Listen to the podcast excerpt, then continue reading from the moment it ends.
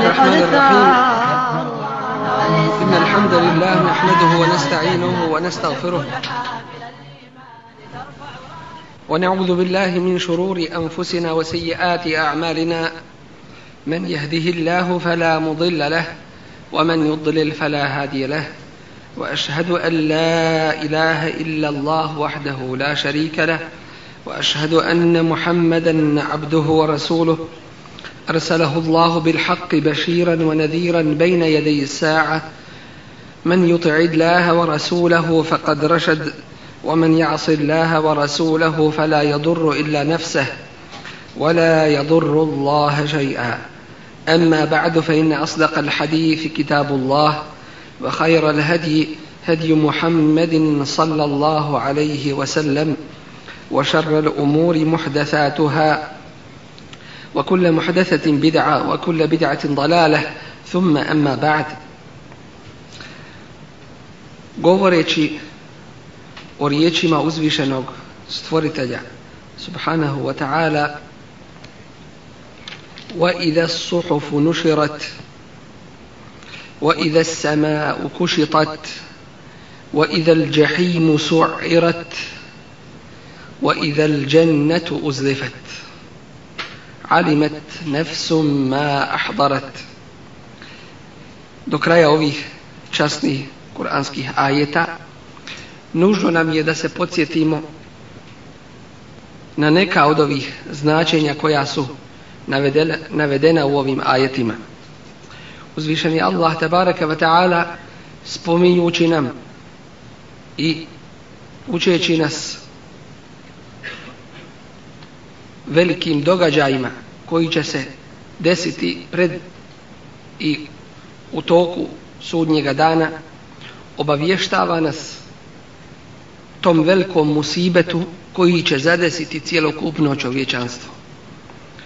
To jeste o tome da će taj dan biti težak nebesima i zemlji i da će te promjene biti temeljite da će doći do potpunog gašenja života i sve živo okusit će smrt. Samo onaj koji nije postao i koji neće nestati, on jedini ostaje u životu.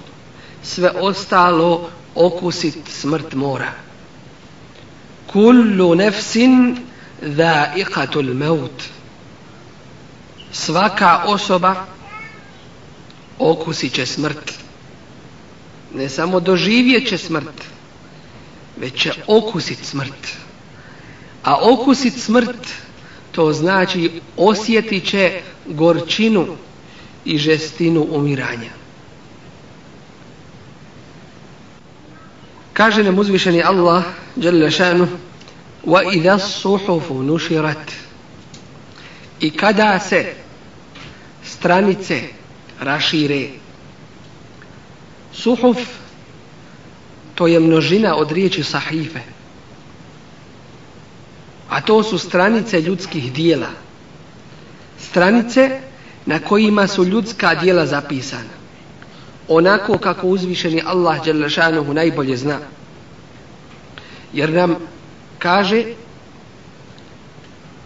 Ma jelfidhu min qawlin illa ledejhi rakibun atid i ne izgovori ni jednu riječ, a da kod njega nije rakibun atid. Rakib, ovaj melek na desnom ramenu, i atid, melek na lijevom ramenu, koji pišu ljudska djela. Kada je u smrtnoj bolesti imami Ahmed uzdisao, kada bi mu došla teška situacija, govorio bi a, a. Pa bi mu neko od prisutnih rekao da se i to zapisuje kod Meleka. I nakon toga više imam je Ahmed nisu ga čuli da pušta glas u bolovima koji su ga zadešavali. Dakle, sve se od čovjeka piše i bilježi. وَإِذَا I to je jedan od presudnih časova. Kako će i na koju stranu će čovjeku biti data knjiga njegovih dijela? Hoće li s desne strane pa će biti ashabul jemin od onih koji su sretnici, od džennetlija, ili će biti min ashabi šimal od onih kojima će se njihova knjiga dijela dati u lijevu ruku. Pa će im se reći Iqra kitabek. Uči i čitaj svoju knjigu. Čitaj pred cijelim svijetom šta si radio na Dunjaluku. Kefa bi kel alejke hasiba. Dovoljno ti je da budeš ti taj koji ćeš sa sobom svoditi račun. Dakle, čitat ćeš šta si priredio na ovome svijetu. A nekome će knjiga biti data iza leđa. Što se tiče onih sretnika kojima se dadne u desnu ruku, fa amma man utiya kitabahu bi yaminihi fasawfa yuhasabu hisaban yasira. Vinqalibu ila ahlihi masrura. Kome bude njegova knjiga data u desnu ruku? On će lako polagati svoj račun. I otići će sretan svojoj porodici. Sretan i radostan da ih obveseli da je on od dženetlija. Jer na Dunjaluku to ne znamo. Osim za one za koje je Allahov poslanik ali selam opet Allahovim vahjom rekao da su dženetlije. Ali koga danas vidite da kaže ja sam od dženetlija, znajte da je taj krenuo krivim putem. Jer ne zna se na Dunjaluku to će se znati na ahiretu tek. Može se znati samo preko garancije, to jeste Kur'ana. Ako se držiš kako treba i ako su ti iskrena djela, a to će se pokazati na sudnjemu danu. I preko objave, preko Božih poslanika, ali zato Pošto to mi danas ne znamo, nema danas toga ko može za sebe garantovati da je on od takvih, ali ono što znamo da postoji opšta garancija za mu'mine, za one koji vjeruju ispravno, koji se drže slova Kur'ana, koji nastoje da saznaju šta je Allahov poslanik ali, salatu selam radio i rekao i koji to sprovode u svojim dijelima. Za takve, inša Allah, nadati se da su od džennetlija. Zašto nadati se? Zato to ćemo tek na kraju vidjeti da li su ta djela primjerena. Jer tri su svojstva koja se moraju naći u jednom dijelu da budu primjena kod uzvišnjog Allaha Đelešana. Prvo svojstvo jeste da je dijelo ispravno urađeno. Dakle, da je propisano vjerom ono što je često Allahu poslanik ali i sad sam naglašavao da to nije novotarija, da to nije nešto uvedeno u vjeru, jer uzvišeni Allah ne prima bilo šta, već samo ono što je propisao, onako kako je propisao, kada je propisao, koliko je propisao, sve se to uzima u obzir. To je prvi šar, da je ispravno urađeno. Drugo, da je iskreno urađeno u ime Allaha Đelešanuhu. I Treće, da taj koji je to uradio da je musliman. Da je od sljedbenika ove vjere. Jer danas to jeste od vremena pojave Allahovog poslanika alaihi salatu wasalam Muhammeda sallallahu alaihi sellem uzvišeni Allah drugo ništa više ne prima i kaže ne dine inda Allahi islam samo je vjera kod Allaha islam i ništa drugo to treba reći nekim. Iako je ovo od osnovnih stvari početnica u islamu, ali treba nekima to reći. Kao da su zaboravili. Ne može se učiti fatiha ne muslimanima. Ne može se ovo i ono raditi. Kao što se dešava i čujemo neke da rade. Ne može to tako. To je, to je osnova. Dakle, više se ne prima od prije 1400 i koliko? I 22 plus 10. 32. 1432 godine. Jer 1422 godina po hijđri, Dodaj tome još 13 godina, znači 36. 1430 i, i, i 5 godina, jel? Jel pravo? Znači, od tada se više druga vjera ne prima. Ništa. Samo islam.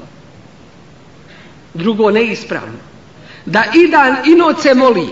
Da ne znam šta radi. Da na glavu skači. Ne ima fajti. I zato kuranski ajet kaže a miletu nasibe. Doći će neki koji su radili i radili. Umorili se. Trudili se. Ali će na kraju tasla naran u Čehenemskoj vatri se pržiš. Zašto? Ne može svašta kod Allaha. Samo ono što je ispravno. A šta je s onima prije? Biće židova u, u džennetu. Biće sljedbenika Isa Salam u džennetu, ali koji? Oni koji su bili na ispravnom vjerovanju do pojave sljedećeg njihovog poslanika. Što znači, židovstvo se više nije primalo od pojave Isa a.s. Gotovo je. Kršćanstvo se više ili bolje rečeno ono sa čime je došao Isa i više se ne prima taj šarijat od pojave Resula Muhammeda sallallahu alaihi wasallam. Zašto?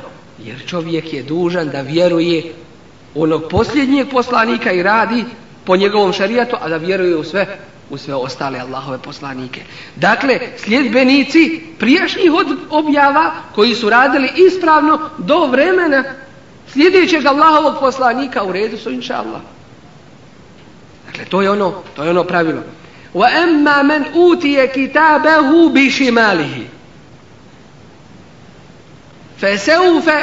ili na drugom mjestu وَرَاءَ ظَهْرِهِ iza svojih leđa ili sa svoje lijeve strane feseufe jed'u thubura. On će prizivati svoju propast. Šta znači prizivati propast? On će žarko željeti da ga ne ima, da bude uništen, da Bog do on sam sebi može dokunisati ili da može sebe uništiti ili helač da bude, on bi to najviše volio, ali ne ima bježanja odatle više. Na drugom mjestu uzvišeni Allah nam kaže وَأَمَّا مَنْ أُوتِيَ كِتَابَهُ وَرَاءَ ظَهْرِ Ko bude, kome bude knjiga data iza njegovih leđa. فَيَقُولُ يَا لَيْتَنِي لَمْ أُوتَ كِتَابِيَ Reći će, kamoli sreće moje da mi nikako knjiga moja nije data. وَلَمْ أَدْرِ مَا حِسَابِيَ ja lejtaha kanetil Da Bog da nisam ni saznao za ovo što, što mi je dato. Da Bogdo je prva smrt bila konačna smrt uništenja. Ma agna anni malije. Sve će on to govoriti. Šta mi koristi toga dana moj imetak? Heleke anni sultanije. Svoja, moja vlast koju sam imao i poznanstva i dunjalučke veze, sve je to propalo. Dakle, to će biti presudan trenutak kada će se ljudima davati knjige njihovih djela. A o tome ćemo inša Allah kasnije još progovoriti. Zatim uzvišeni Allah nam kaže وَإِذَا السَّمَاءُ كُشِطَتْ i kada se nebo ukloni, kada više neba ne bude.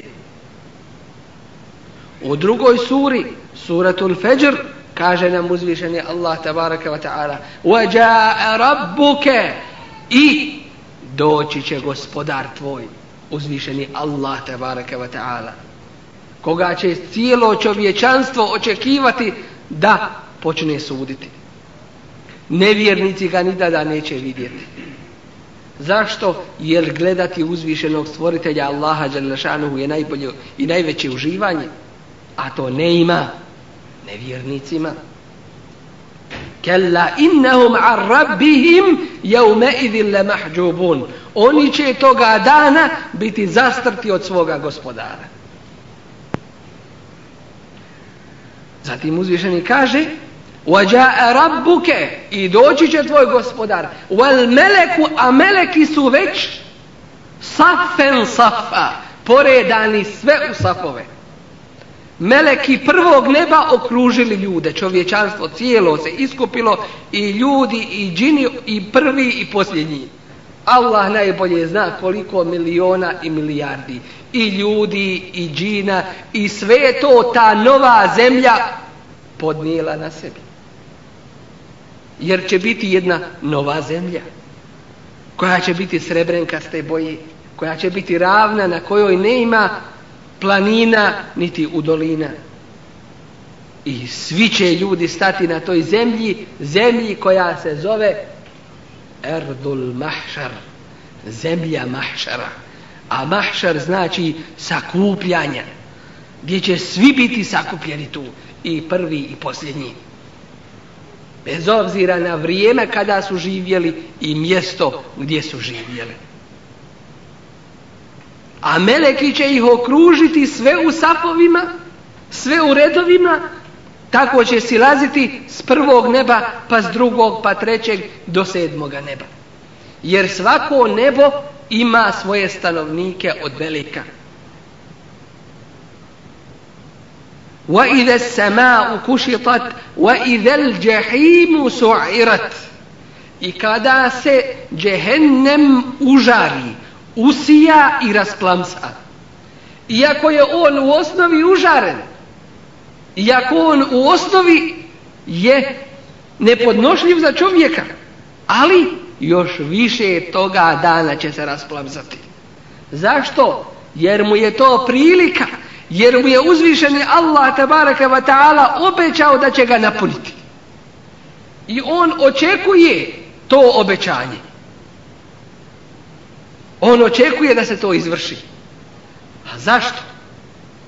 Pa znamo da će u stvari gorivo u džehennemu biti kamenje i ljudi. Kamenje koje se u tefsirima spominje da je to kibrit. Jeste li čuli za kibrit? Jeste li čuli, jeste li vidjeli kad se to primakne vatri? Kako to gori? Jedva čeka da, da plane da se raspali. To je dunjalučki kibrit. A kakav je ahiretski? Kamen je od kibrita. I u arapskom i u našem se kaže kibrit. Jedna zapaljiva materija. A drugo, bit će ljudi kao potpala džehennemu Čije će gorivo biti ljudi i kamenje. Ali ne ovi ljudi u ovakvim tjelesima i u ovakvoj materiji koja, rekli smo, ne bi mogla izdržati ni da se približi džehennemu. kao leptir prema svijeći, odmah bi otišao i ništa od njega ne bi ni ostalo. Ne mogu ova tijela to izdržati. Već jedna druga tijela koja će se patiti u džehennemskoj vatri. وَإِذَا الْجَحِيمُ سُعِرَتْ I kada Jehennem. kada jehennem se rasplamsa. Kaže nam Resulullah sallallahu alaihi da će toga dana biti doguran, doveden džehennem sa 70.000 užeta. Tolika je njegova silina i veličina a na svakom je po 70.000 meleka koji će taj džehennem primaknuti zemlji mahšara, primaknuti tim džehennemlijama. I džennetlije kada vide džehennem bojaće se i trajeće od Allaha Đelešanovu zaštitu. uzlifet A kada se džennet približi, ne kaže se kome, ali se zna kome onim srednicima. Uzvišeni Allah nam nakon ovoga svega kaže i ovo je u stvari odgovor na ovo sve prije rečeno. Kad se to desi, kada se pro, kada nestane sjaja sunca, kada zvijezde izgube svoj sjaj, kada se planine pokrenu, kada ste one deve bez pastira ostanu, kada divlje zvijeri budu sakupljene, kada se mora u vatru pretvori, kada se duše sa tijelima spoji, kada živa ubijena djevojčica bude pitana zbog kakvog grijeha je ubijena, kada se listovi rašire, kada se nebo ukloni, kada se džehennem rasplamsa i kada se džennet približi. Sve to kada iza njega dolazi nešto što će se desiti. A to je alimet. Sigurno će znati. Nefsun svaka osoba. Ma sve ahbaret što je sa sobom donijela.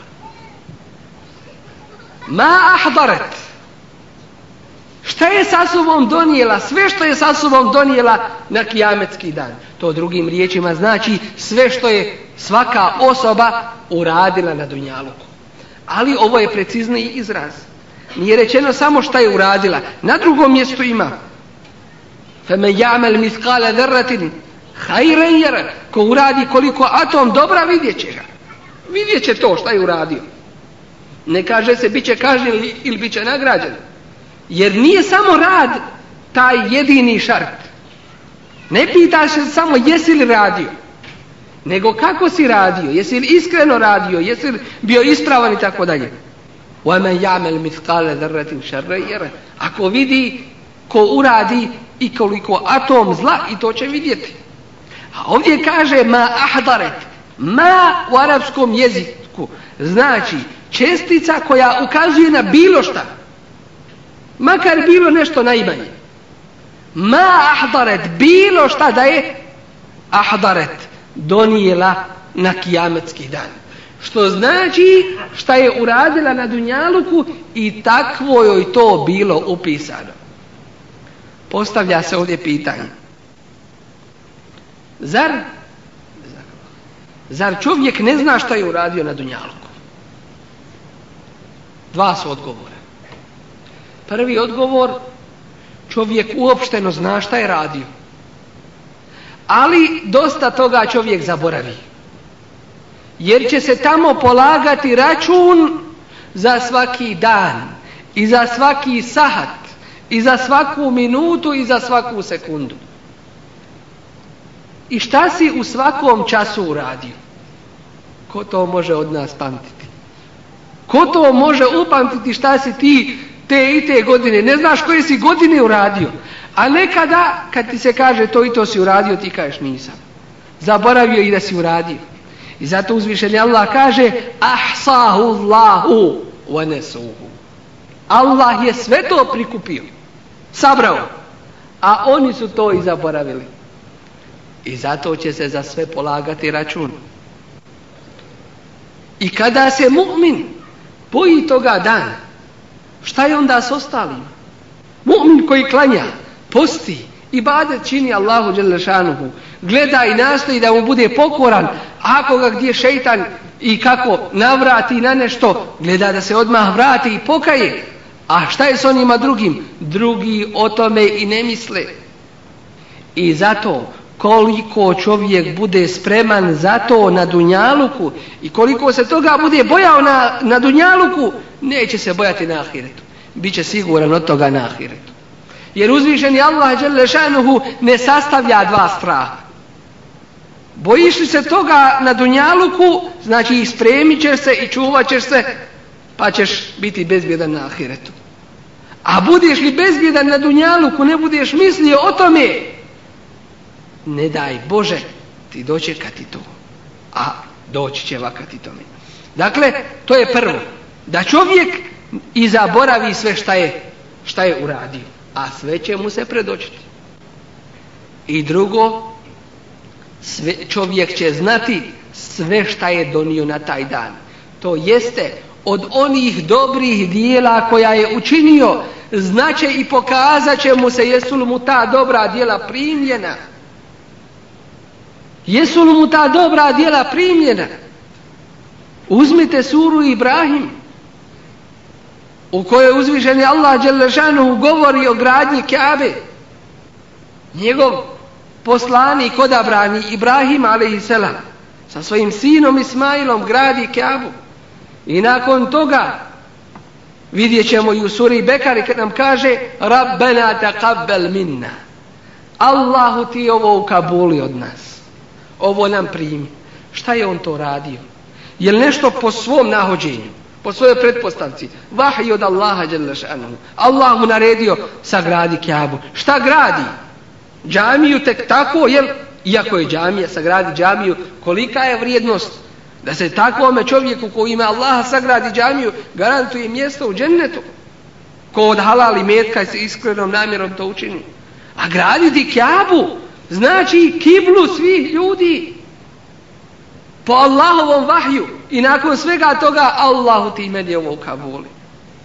Jer ibadet kada učiniš kako treba on će te dovesti do poniznosti Allahu Đelešanu, a ne do oholosti. Da kažeš, e sad sam ja postigao, sad niko više nije koja. Sad ja mogu raditi šta ja hoću odmah je taj ibadet koji je učinjen bata. Jer e, dokaz da ti je neko djelo primjeno kod Allaha Đelešanuhu jeste da te ono navodi na drugo dobro djelo. Navodite na poniznost Allahu Đelešanuhu, na šukur, na zahvalnost, na istigfar, na veću vezu s Allahom Đelešanuhu.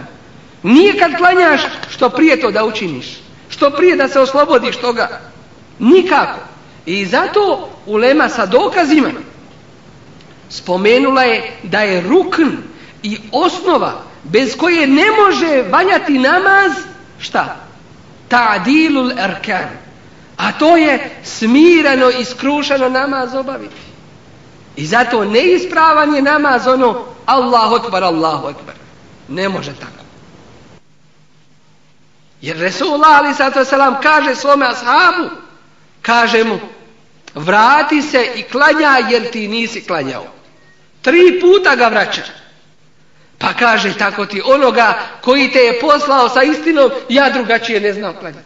A šta je? To je upravo ono, sam ja Allahu limen hamd, Allahu ekber, Allahu ekber. Gdje je to smirenost? Kažemo vrati se i klanjaj jer ti nisi klanjao. I nema tu nikakve fetve da hiljadu muftija kaže može, kad Resulullah ali salam kaže ne može tako. Nisi klanjao kaže. Jedan od ashaba kada je vidio jednog tabina da tako klanja na brzinu, kaže mu, otkad ti to tako klanjaš namaz? Kaže, ja klanjam ovako namaz 40 godina. Kaže, ti 40 godina nisi klanjao.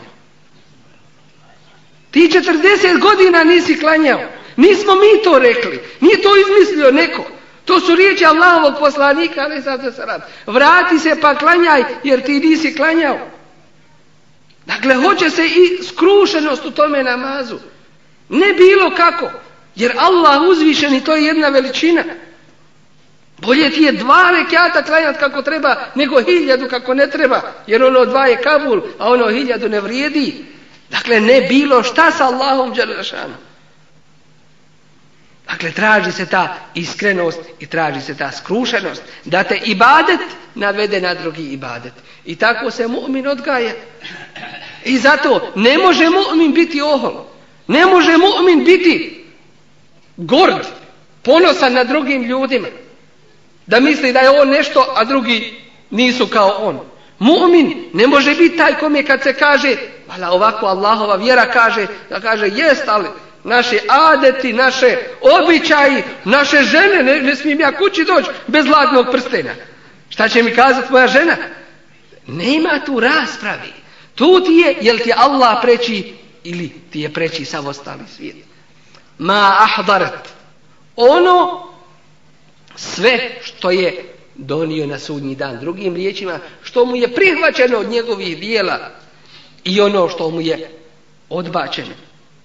I zato namazi i onda zatim svi ostali ibadeti. Zar uzvišeni Allah ne kaže fevailu lil musallin. Teško li se klanjačima? A šta je ne klanjačima? Ali ne bilo kakvim klanjačima.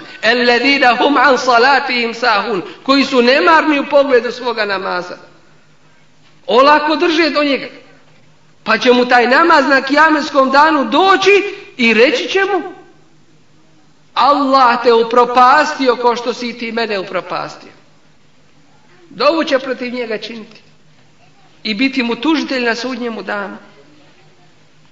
Dakle, moramo u osnovi, mi kao umet cjelokupni, da promijenimo svoj odnos prema Allahu kako bi i on promijenio svoj odnos prema nama. Jer ovo danas što se radi od muslimana, to je prije bilo nezamislivo a kamoli da neko uradi.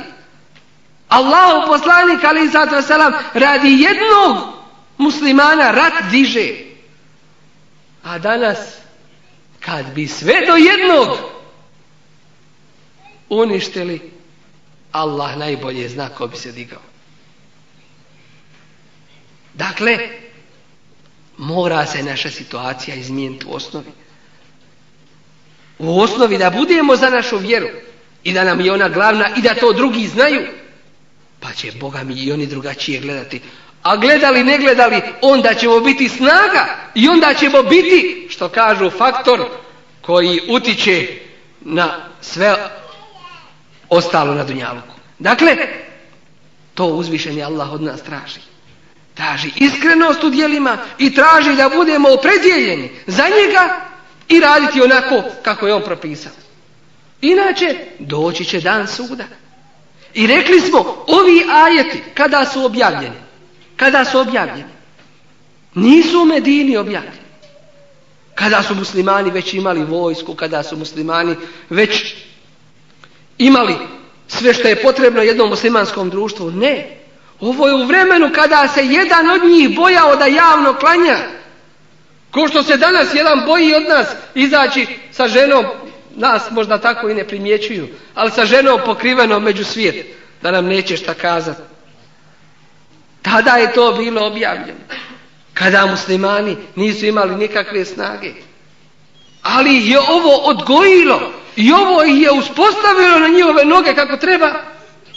Tako da su sutra i pred Cezara, pred Kajsara, pred Kisru, perzijskog vladara, Pred sve ostale vradare svijeta jedan od njih bi stao i rekao istinu nije se bojao u ime Allaha ničijeg prijekora. Dakle, vidimo iz ovoga praktično da su ovo ajeti koji su objavljeni u najtežijim momentima za islam muslimane. Pa su ih ojačali i očvrstili. Jer kad musliman zna da će doći ahiret, da će polagati račun pred Allahom Đelešanu, šta ima da se boji, koga da se boji na dunjalu? Šta ima najgore? Recimo po pretpostavkama izgubit život. Pa nije to kraj. Nije to kraj, ima ahiret. Tamo je prava nagrada. Ako si pravi mu'min, nema šta da gubi, da, nema šta izgubiti, samo dobivaš. Kutari se od tebe laja. Tvoje grijehe ako te uklonio, tvoje grijehe na sebe smako. Na sebe preuzeo. Ti ode čist, nema šta izgubiti. Izgubiš samo ako ne očišće, odeš pred Allaha Đelešanu. Neopredjeljen. Jer ko ne bude ovdje na Dunjaluku čvrsto znao kud ide i šta mu je cilj, neće ni tamo na Ahiretu znat. Ko na Dunjaluku nije bio u safovima džemata i tako dalje, i tamo ne zna kome će pristat. Vidjet će ljudi svemu i svačemu pristaju.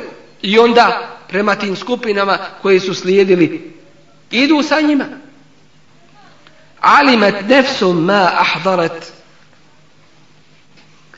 ove riječi kada je čuo Omer ibn al-Khattab radijallahu anhu rekao je ovo je najriječitiji govor jer zaista Kur'an je opisan riječima uzvišenog Allaha Đelešanuhu huwa adhaka wa ebke to je taj govor koji te raspoloži a isto tako te rasplači.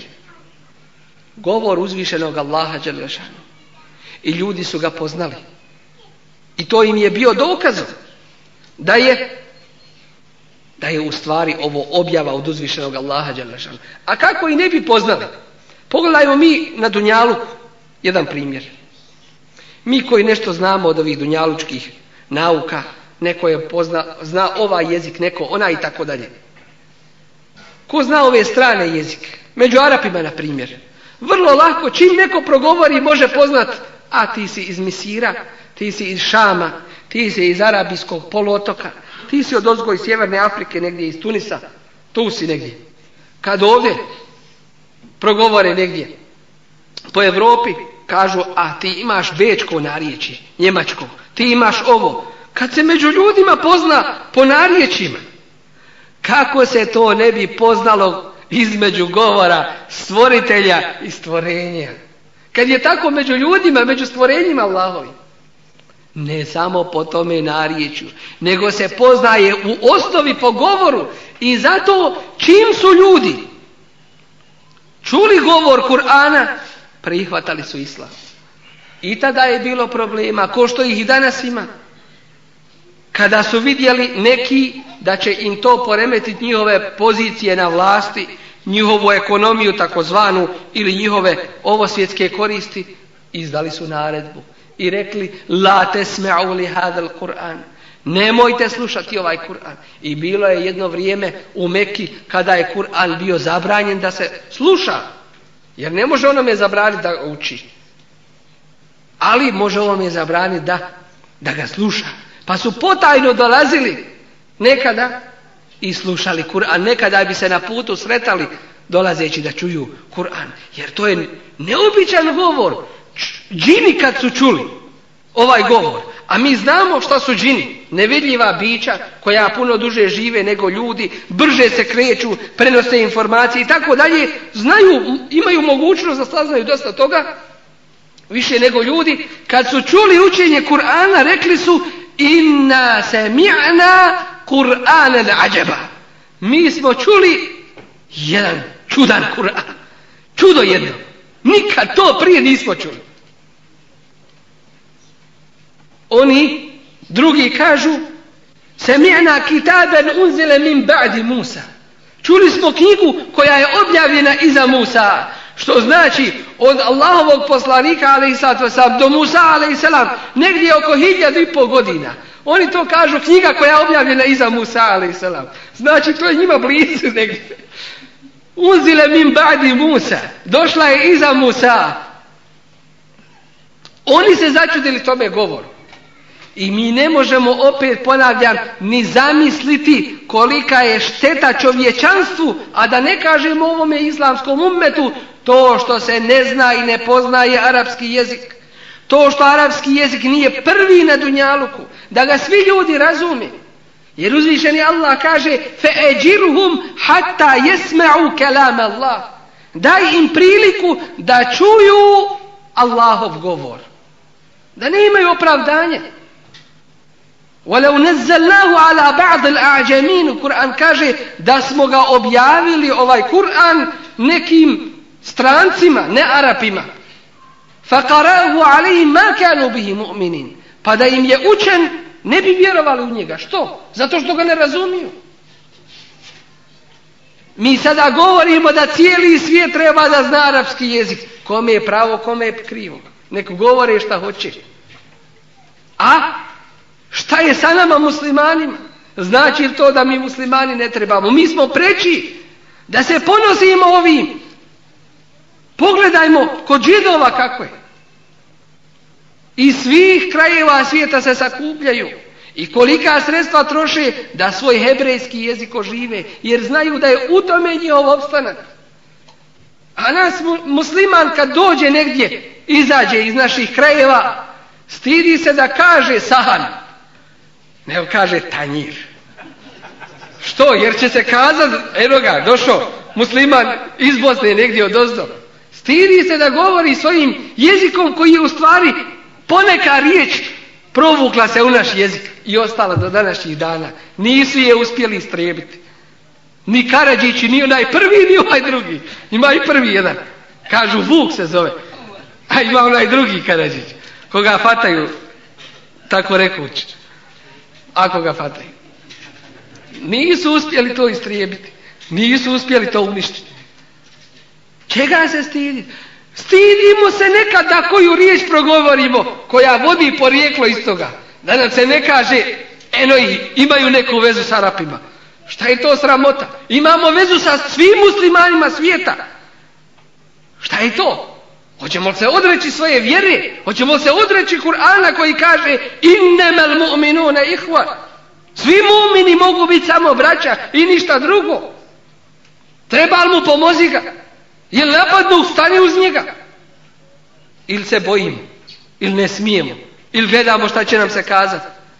Dakle, prvo mi treba svojim primjerom da pokažemo. Jer ono danas što se nama radi, ono dana što se nama čini nije bilo ni zamislivo jučer, a kamoli prije toga. Iako se mi kao ummet ne promijenimo i ne promijenimo naš odnos prema našem dinu, ne daj Bože može se svega očekivati i svašta nas može zadesiti. Fela ukosimu bil hunnesu i zato, kao poruka ovoga jeste, vi nastojite svi. Jesi li jednu riječ iz Kur'ana naučio arapskog jezika, ponosi se time.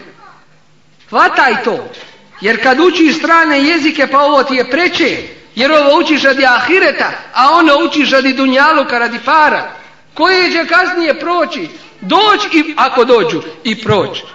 A ovo ti ostaje. I zato arapski jezik je nužan za tebe. Nemoj da budeš pazivan u pogledu svoje vjere.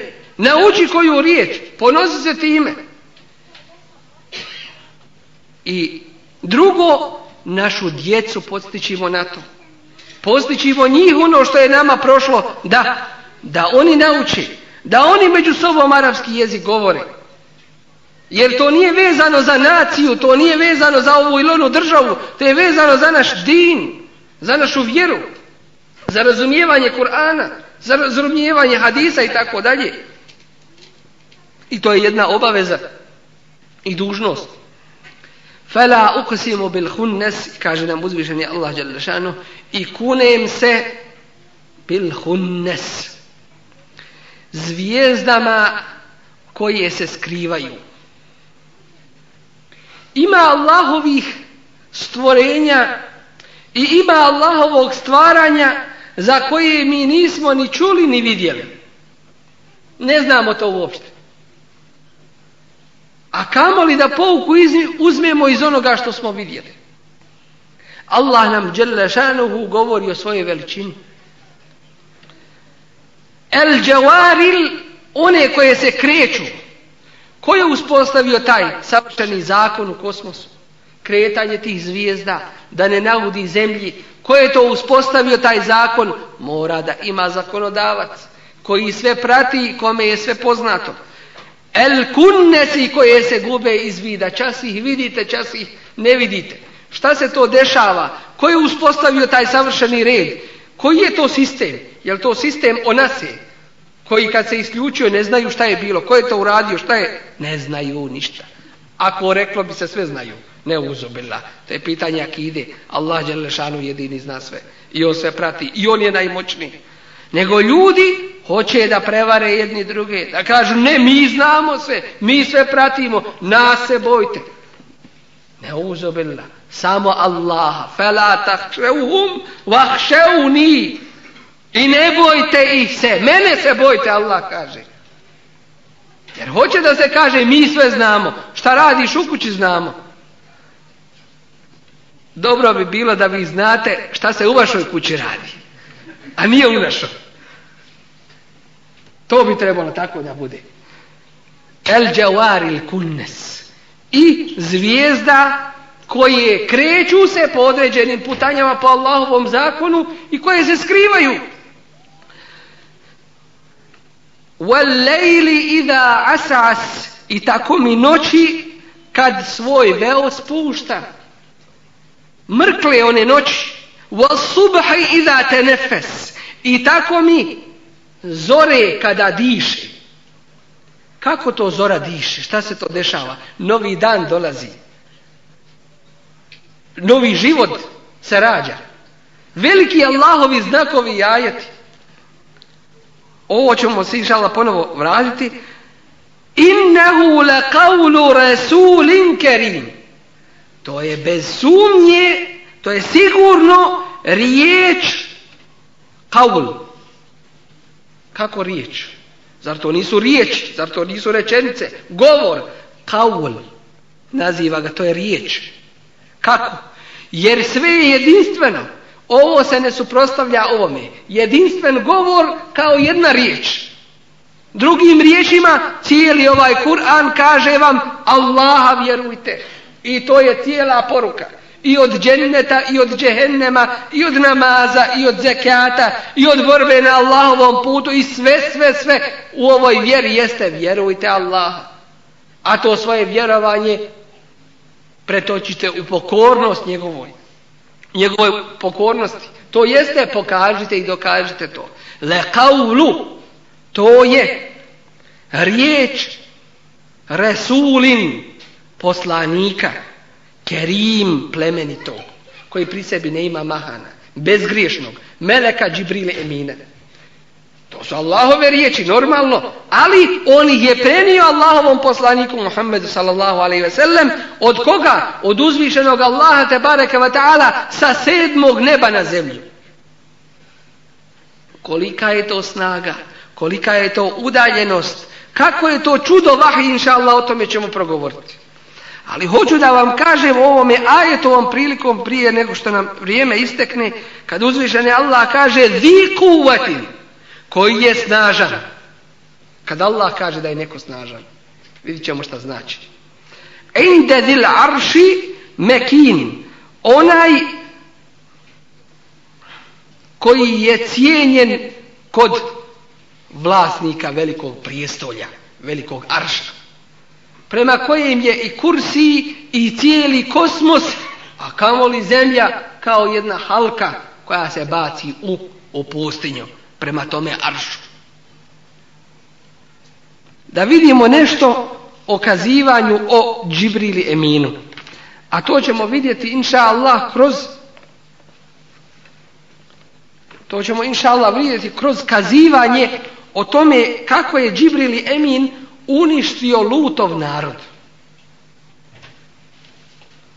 Poznato nam je da je ovaj melek zadužen za vahij, za Allahovu objavu. To jeste za ono što uzvišeni Allah Đelešanuhu kaže da prenese njegovim poslanicima. Nekada su čuli direktno Allahov govor, neki Allahovi poslanici. Kao ko? Kao prvi Muhammed sallallahu alaihi ve sellem, a gdje to? Na sedmom nebu. Inde sidretil munteha. Kod sidretul munteha. Na mjestu gdje je uzvišeni Allah Đalešanuhu govorio sa njim i gdje mu je naredio namaz i njemu i njegovom umetu. I govorio je s kim? Sa Musaom alaihi salam. I čuo je Allahov glas i Allahov govor. A nekada je Allahov govor prenošen preko Meleka Džibrila. U slučaju Lutovog ali selam naroda. Uzvišen je Allah Đelešanuhu poslao je Meleka Džibrila da uništi taj narod. Imamo više predanja o tome. E, između ostalog Muđahid kaže Džibril je uzeo lutov narod i zajedno sa njihovom stokom i imovinom podigao uvis. Cijelo jedno mjesto. A kaže se da su to bila četiri mjesta. Sodoma, Gomora, Saba i Saud. Dakle, četiri mjesta koja je Melek Džibril podigao uvis. I to je u zoru bilo. Džibril je uzeo lutov narod i zajedno sa njihovom stokom i imovinom podigao u vis tako da su stanovnici neba čuli lavež njihovih pasa. Zatim ih je izvrnuo. naopak. A Katade kaže, isto jedan od mufesira, među tavinima, saznali smo da je Džibril alihi selam, a i za Meleke se kaže alihi selam. Što? Zato što su Allahova stvorenja. Zato što su Allahova stvorenja. Da mu Allah podari spas toga dana. I njima će trebati spas toga dana. Pošto se rasvanulo, raširio svoje krilo, jedno od šestotina. I rasturio sve što su imali na zemlji. Kuću, kuće, stoku, kamenje, drveće, zatim je sve smotao u svoje krilo i popeo se na ovo svjetsko nebo, tako da su stanovnici čuli glasove ljudi i pasa. Potom je to izvrnuo i poslao na zemlju, pa je jedno drugo smrvilo i ono što je bilo gore došlo je dolje. Uništio ih tako.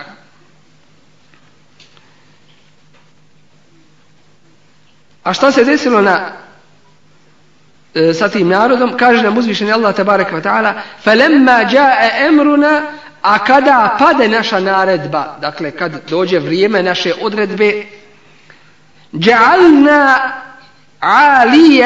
سَافِلَهَا što se desilo pred izlazak sunca, kaže uzvišeni Allah, učinili smo da ono što bi gore, da bude dole. Dakle, da bude izvrnuto. وَأَمْطَرْنَا عَلَيْهَا حِجَارَةً مِنْ I na njih kao kišu grumenje od pečena blata spusti smo. To jeste od skamenjene zemlje. Mendudin, koja je neprestano sipala po njima, iako su bili izvrnuti. Ali Allah laza poseban. Stalno, neprestano sipala mu se koje je bilo obilježeno. Mofesiri kažu Svaki komad je bio obilježen na koga će pasti. Svaki komad je bio obilježen koga će zadesiti. Dakle, iz ovoga vidimo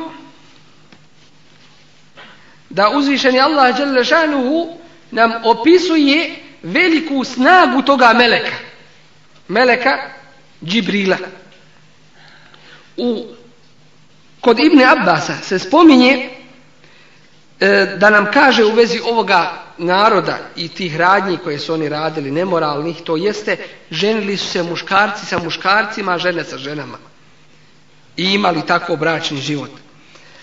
Kaže nam u hadizu koji je merfor doseže Resulullah s.a.v. koga nađete da radi slično lutovom narodu, ubijte ga i onog ko to čini i onoga nad kim se to čini. Imam i Šafija i jedan dio islamske oleme smatraju da takve treba ubiti, bili oni oženjeni ili, ili ne. Prema ovome hadisu. Dok imam Ebu Hanife zastupa mišljenje da ga treba baciti takvoga, svakako ubiti, ali da ga treba baciti s visine, tako što će na taj način biti ubijen, a za njim pobacati kamenje kao što je uzvišeni Allah Đalešanu učinio sa Lutovim narodom. I ovo je opet jedan išaret i znak e, za one koji kažu da se pridržavaju hanefijskog mezeba. Imam Šafija kaže treba ga samo ubiti. Ali u ovome slučaju imam Hanife žešći Kaže, jes treba ga ubiti, ali to ubijanje će biti što će se baciti sa visine i na njega kamenje pobacati. Da ne misle neki hanefijski mezeb, možeš ostaviti namaz, možeš svašta. Ne, ne, to je što je shvatanje nekih tako, ali takav hanefijski mezem nije. Nije to nacionalni mezeb, nego je to jedan od priznatih mezeba islamskog ummeta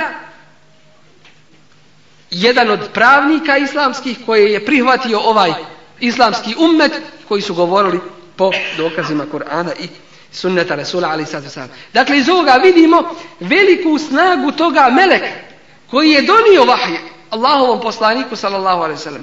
Kako mu je donosio vahje? U kojim prilikama sve? Načini? I ostalo inša Allah u sljedećim kazivanjima ćemo to ako Bog da inša Allah obraditi kao i pitanje da li je Resulullah sallallahu alaihi ve sellem vidio Allaha Đelešanuhu i ako jest kako ga je vidio i pitanje da li je vidio Meleka Džibrila kada i i kako u nastavku ovih kazivanja u suri tekvir. Molim uzvišenog Allah tabaraka ta'ala da nas pomogne, ojača i učvrsti na pravom putu. Amin ja rahman rahim. Subhanak Allahumma bihamdika, šadu la ilaha illa anta, astagfiruka wa atubu ilika.